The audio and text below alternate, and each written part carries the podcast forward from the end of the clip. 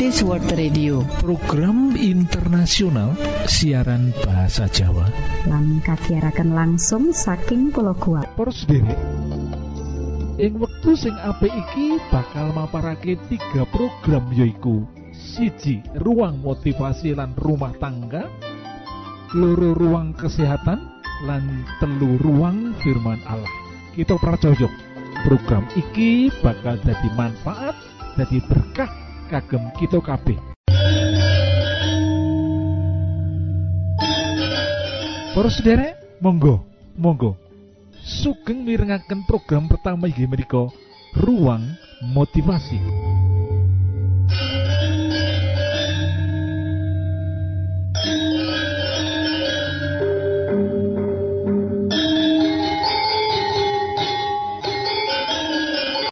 Kalimat motivasi ing wektu iki mengkini. Sopo nandur bakalan ngunduh. Apa maknane? Filosofi iki salah sijine filosofi Jawa kang ngrembug soal karma. Bagi sopo wae ngumpulake keapian utawa kebaikan, maka suatu saat akan mendapatkan hasilnya. Orang yang banyak membantu orang lain, dia akan mendapatkan berkat yang baik suatu hari nanti. Kita diajari untuk berlomba menanam kebaikan di mana pun kita berada. Ini juga bermakna kerja keras. Kita akan berhasil kelak. Jadi makna sopo nandur bakal ngunduh apa yang kita tanam akan kita tuai.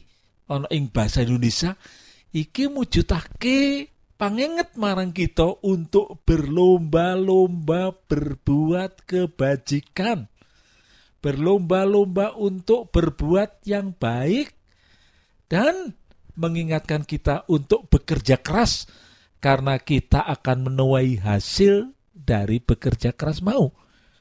Filosofi iki ngingetake apa wae sing kita tandur ana ing panguripan iki sebagai orang tua yang kita menandur cinta kasih marang putra-putra kita, marang anak mantu kita, marang cucu-cucu kita pada saat usia senja, pada saat kita tidak berdaya. Anak-anak yang kita telah perlakukan dengan cinta kasih. Anak-anak mantu yang kita telah perlakukan dengan cinta kasih. Cucu-cucu yang telah kita perlakukan dengan cinta kasih. Mereka akan menjadi berkat bagi kehidupan kita pada saat kita di usia senja.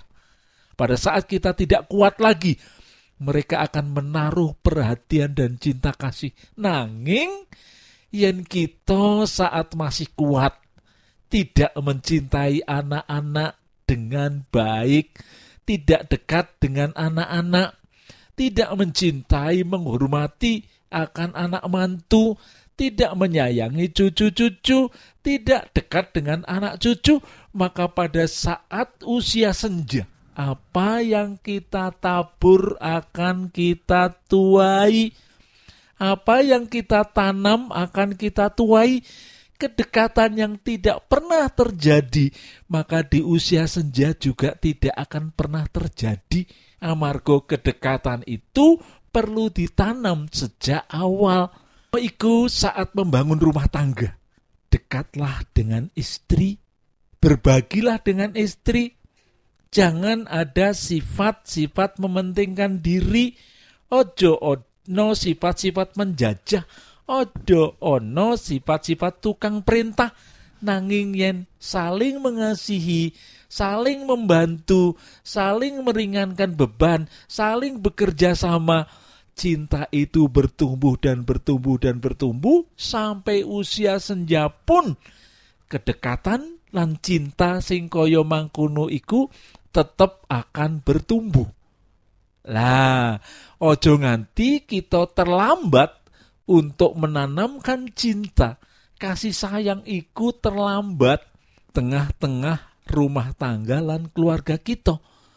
Amarga yen anak semasa masih bertumbuh memerlukan cinta kasih lan kita tidak memberikan perhatian dan cinta kasih, maka pada saat dia sudah dewasa, pada waktu kita mulai memberikan cinta kasih, kasih sayang, anak cucu akan menolak Milo. Jangan terlambat. Mari sedini mungkin cinta kasih kita tanamkan. Amargo sopo sing nandur kebaikan, sopo sing nandur cinta kasih, sopo sing nandur kelembutan, sopo sing nandur kasih sayang, bakal ngunduh no unen-unen utawa pepatah Jawa sing luar biasa iki. Mugio kita sebagai orang tua, mugio kita sebagai anak, mugio kita sebagai keluarga muda, kita akan selalu menanam hal-hal yang membawa berkah, hal-hal yang meningkatkan kehidupan, hal-hal yang mendorong kehidupan. Dengan kerja keras, kita akan menuai hasil yang lebih baik, lebih indah, dan lebih menggembirakan. Gusti berkahi.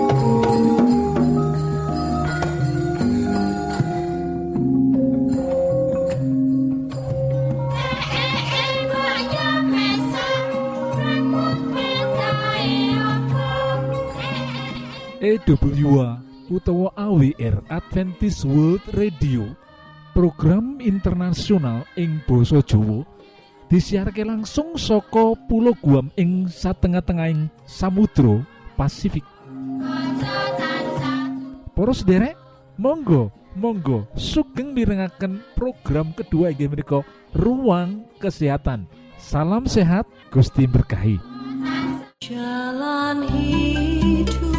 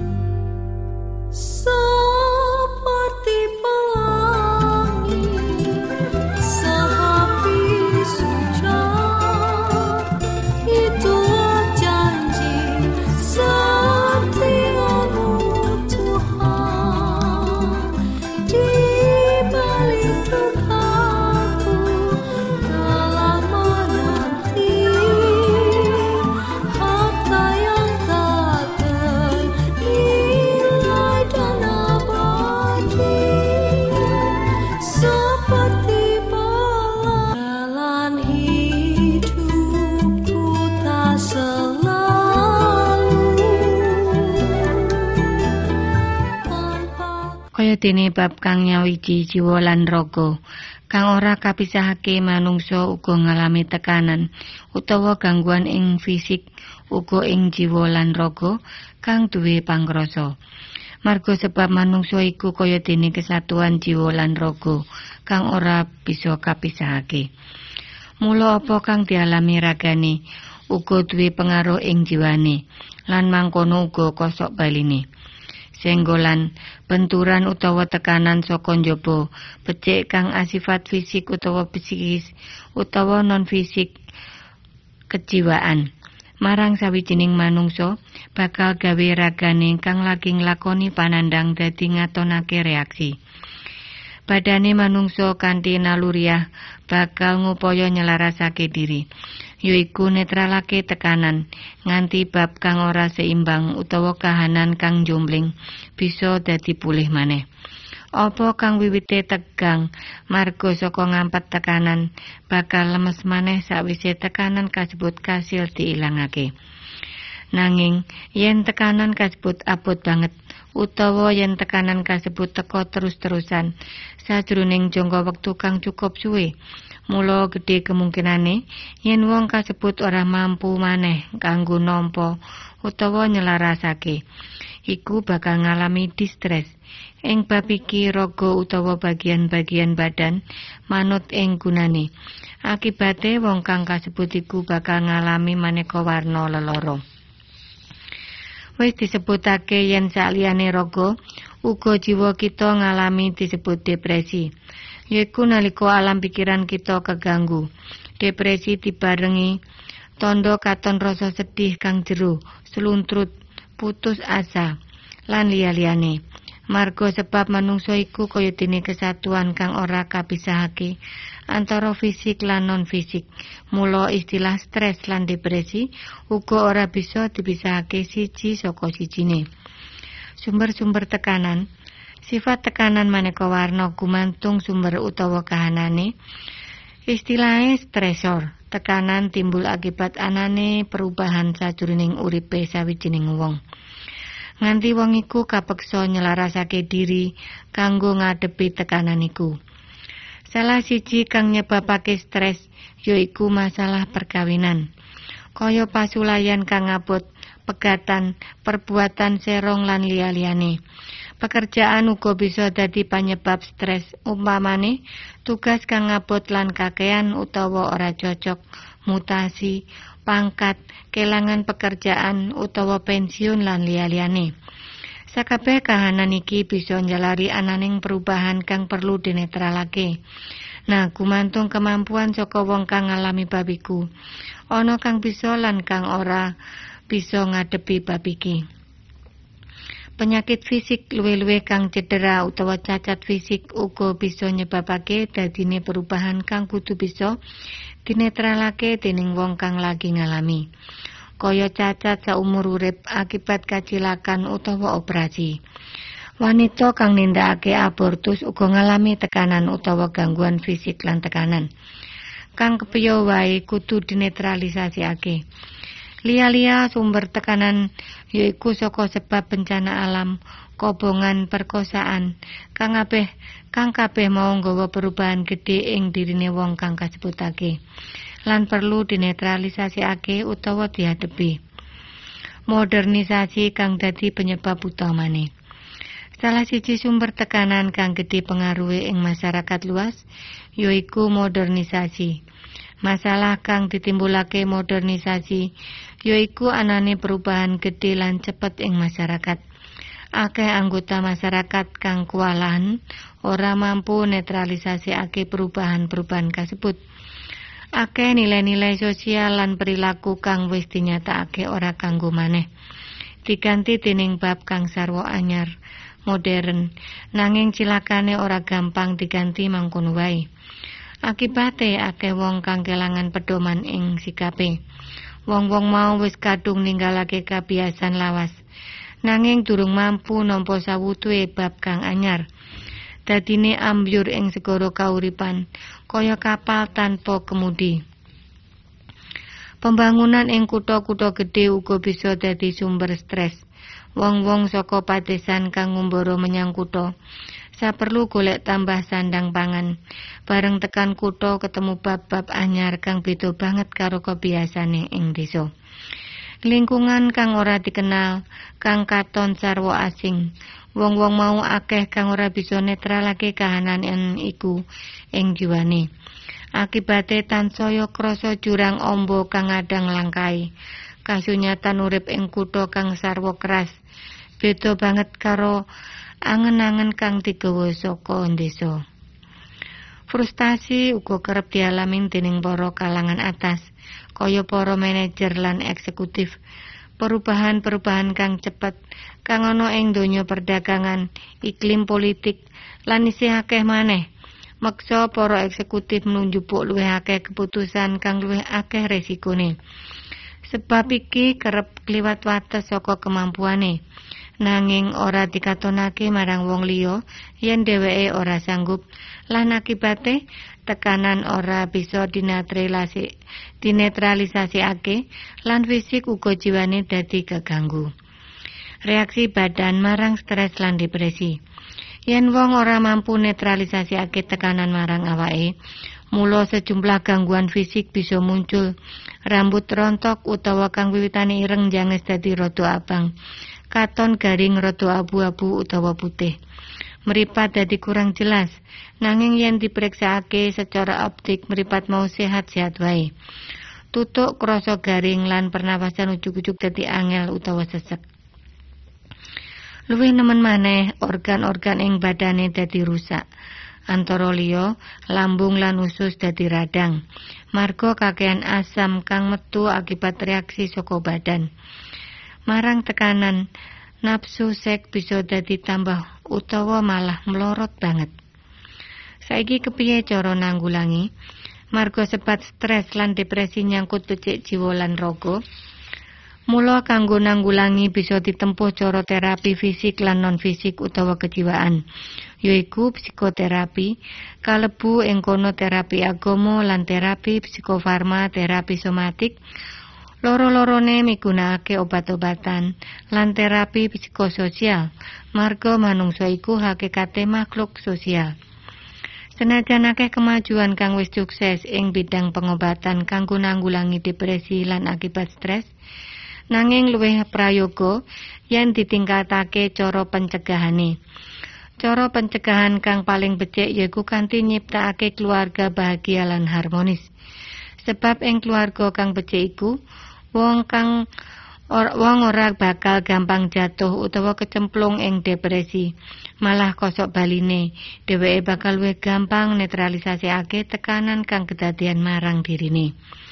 Ana enam kriteria kanggo nyiptakake keluarga kang bahagia yaiku kauripan agama ing keluarga, ana wektu kanggo keluarga kumpul geguyon, ana komunikasi ing antara anggota keluarga, ana rasa saling ngajeni, ana rasa ikatan ing antara anggota keluarga, lan ana kesepakatan kanggo ngadepi sakabeh persoalan kanthi becik. Kejaba iku, ana sejumlah bab kang bisa ditindakake kanggo nambahin kuat pertahanan marang tekanan, yaiku kanthi cara ngurangi rokok lan minuman keras utawa kang ngandung alkohol. Dahar makanan sehat kanthi gizi kang cukup lan olahraga. Lan kang paling penting diusahake supaya seimbang antara tumindak serono kasih sayang lan nampa kasih sayang iku dhewe. Marga kasih sayang iku dadi dasar ngadeke jiwa kang kuat. EWA utawa AWR Adventist World Radio program internasional ing basa Jawa disiarke langsung saka Pulau Guam ing satengah-tengahing Samudra Pasifik. Para sederek, ing wektu sing apik iki monggo kita siapkan hati kita kangge mirengaken firman Allah. Dan bunyikanlah Isa mau datang lagi Nyanyi musafir dan pujikanlah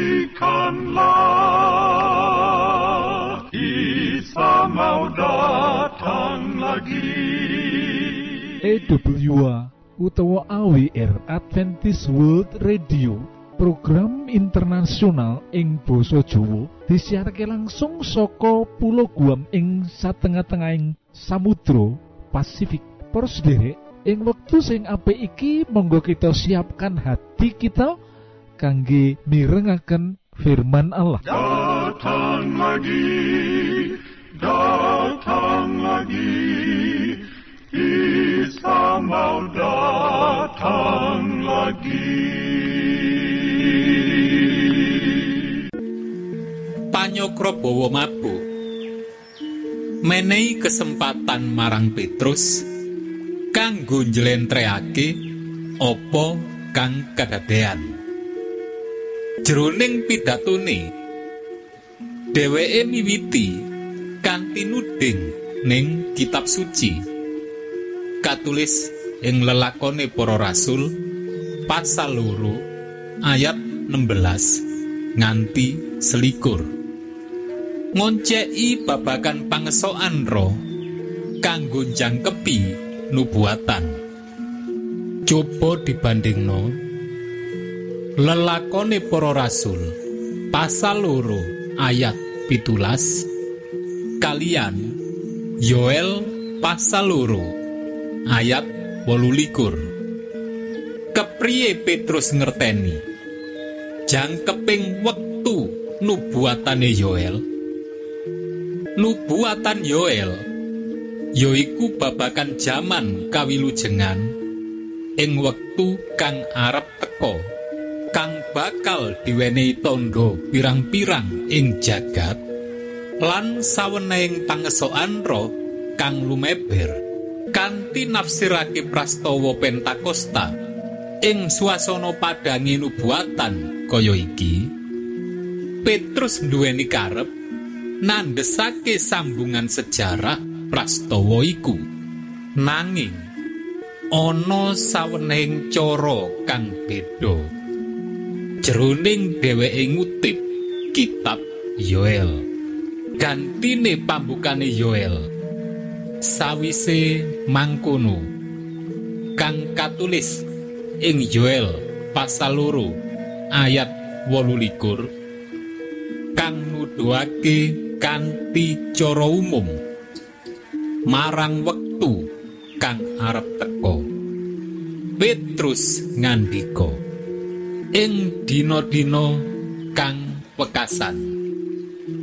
Katulis ing lelakone para rasul pasal loro ayat pitulas. Mratandakake menawa lampahan wekasan jroning drama ageng kawilujengan lagi wae kawiwitan. Iki tamtu dudu saweneng katrangan babakan prastawa-prastawa jaman wekasan. Nanging saweneng bukti rasa kamempengan kang dhuwur kang dadi ciri gereja kawitan. Dheweke ora mangerteni kapan tekane pungkasan. Nanging dheweke yakin menawa pungkasan iku ora suwe maneh monggo kita waca lelakone para rasul. Pasal loro ayat rolikur nganti telung puluh loro. Opo kang dadi wosing pirembakan Petrus? Jroning ngabarake Injil. Sawise nerangake wigatine nubuatan-nubuatan babakan Pentakosta Petrus ngalih ning prastawa-prastawa pungkasaning pagesangan Gusti Yesus sedane lan wungune. Bab kawunguan nampeni tomo karono babakan iku makili dasar-dasar kang nemtokake jroning lelakon Injil tumrap Petrus. Bab patangen minangka pangleresane Yesus kang tandes. Lan dheweke ngutip kitab suci kanggo mastekake maksud babakan werdine patangen karono Yesus iku Mesias panjenengane ora bisa dikunjoro dening maut. Mula tumrap Petrus lan tumrap sakabehing juru tulis prajanjen anyar bab kawunguane Gusti Yesus. Wus dadi bukti kang santoso ora amung babakan Yesus dadi Mesias nanging uga sakabehing kabar kawilujengan Kristen. Kanthi kematian ing sak kiwa tengen kang mesti ngancam kita utawa kekasih kita. Kenapa? Babakan wungune Gusti Yesus. Dadi saweneng kaleresan kang penting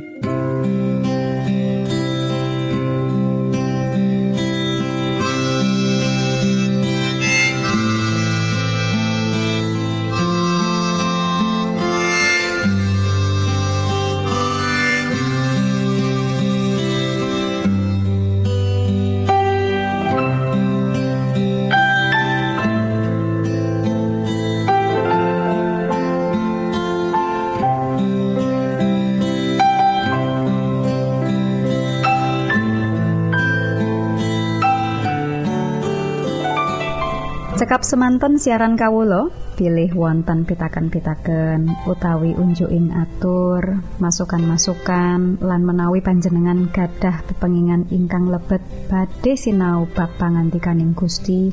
Lumantar kursus Alkitab tertulis Monggo. Kulo aturi pepanggihan kalian radio Advent suara pengharapan kotak pos wolu enol songo enol Jakarta setunggal kali wolu setunggal 0 Indonesia. Utawi pesawat telepon 0 wolu kali setunggal setunggal sekawan songo setunggal pitu 000 lan email jawa awr at yahoo.com panjenengan saged mlebet jejaring sosial Kawulo inggih menika Facebook pendengar radio Advent suara pengharapan utawi radio Advent suara pengharapan. Saking studio kula ngaturaken gong ing panuwun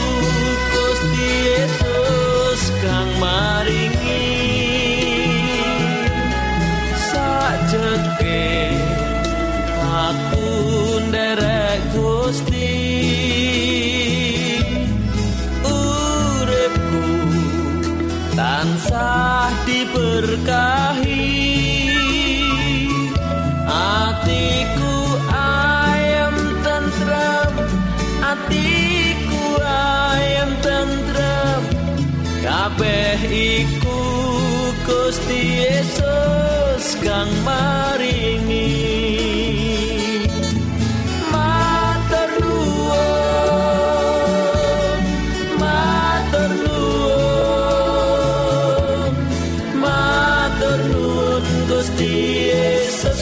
matur nuwun.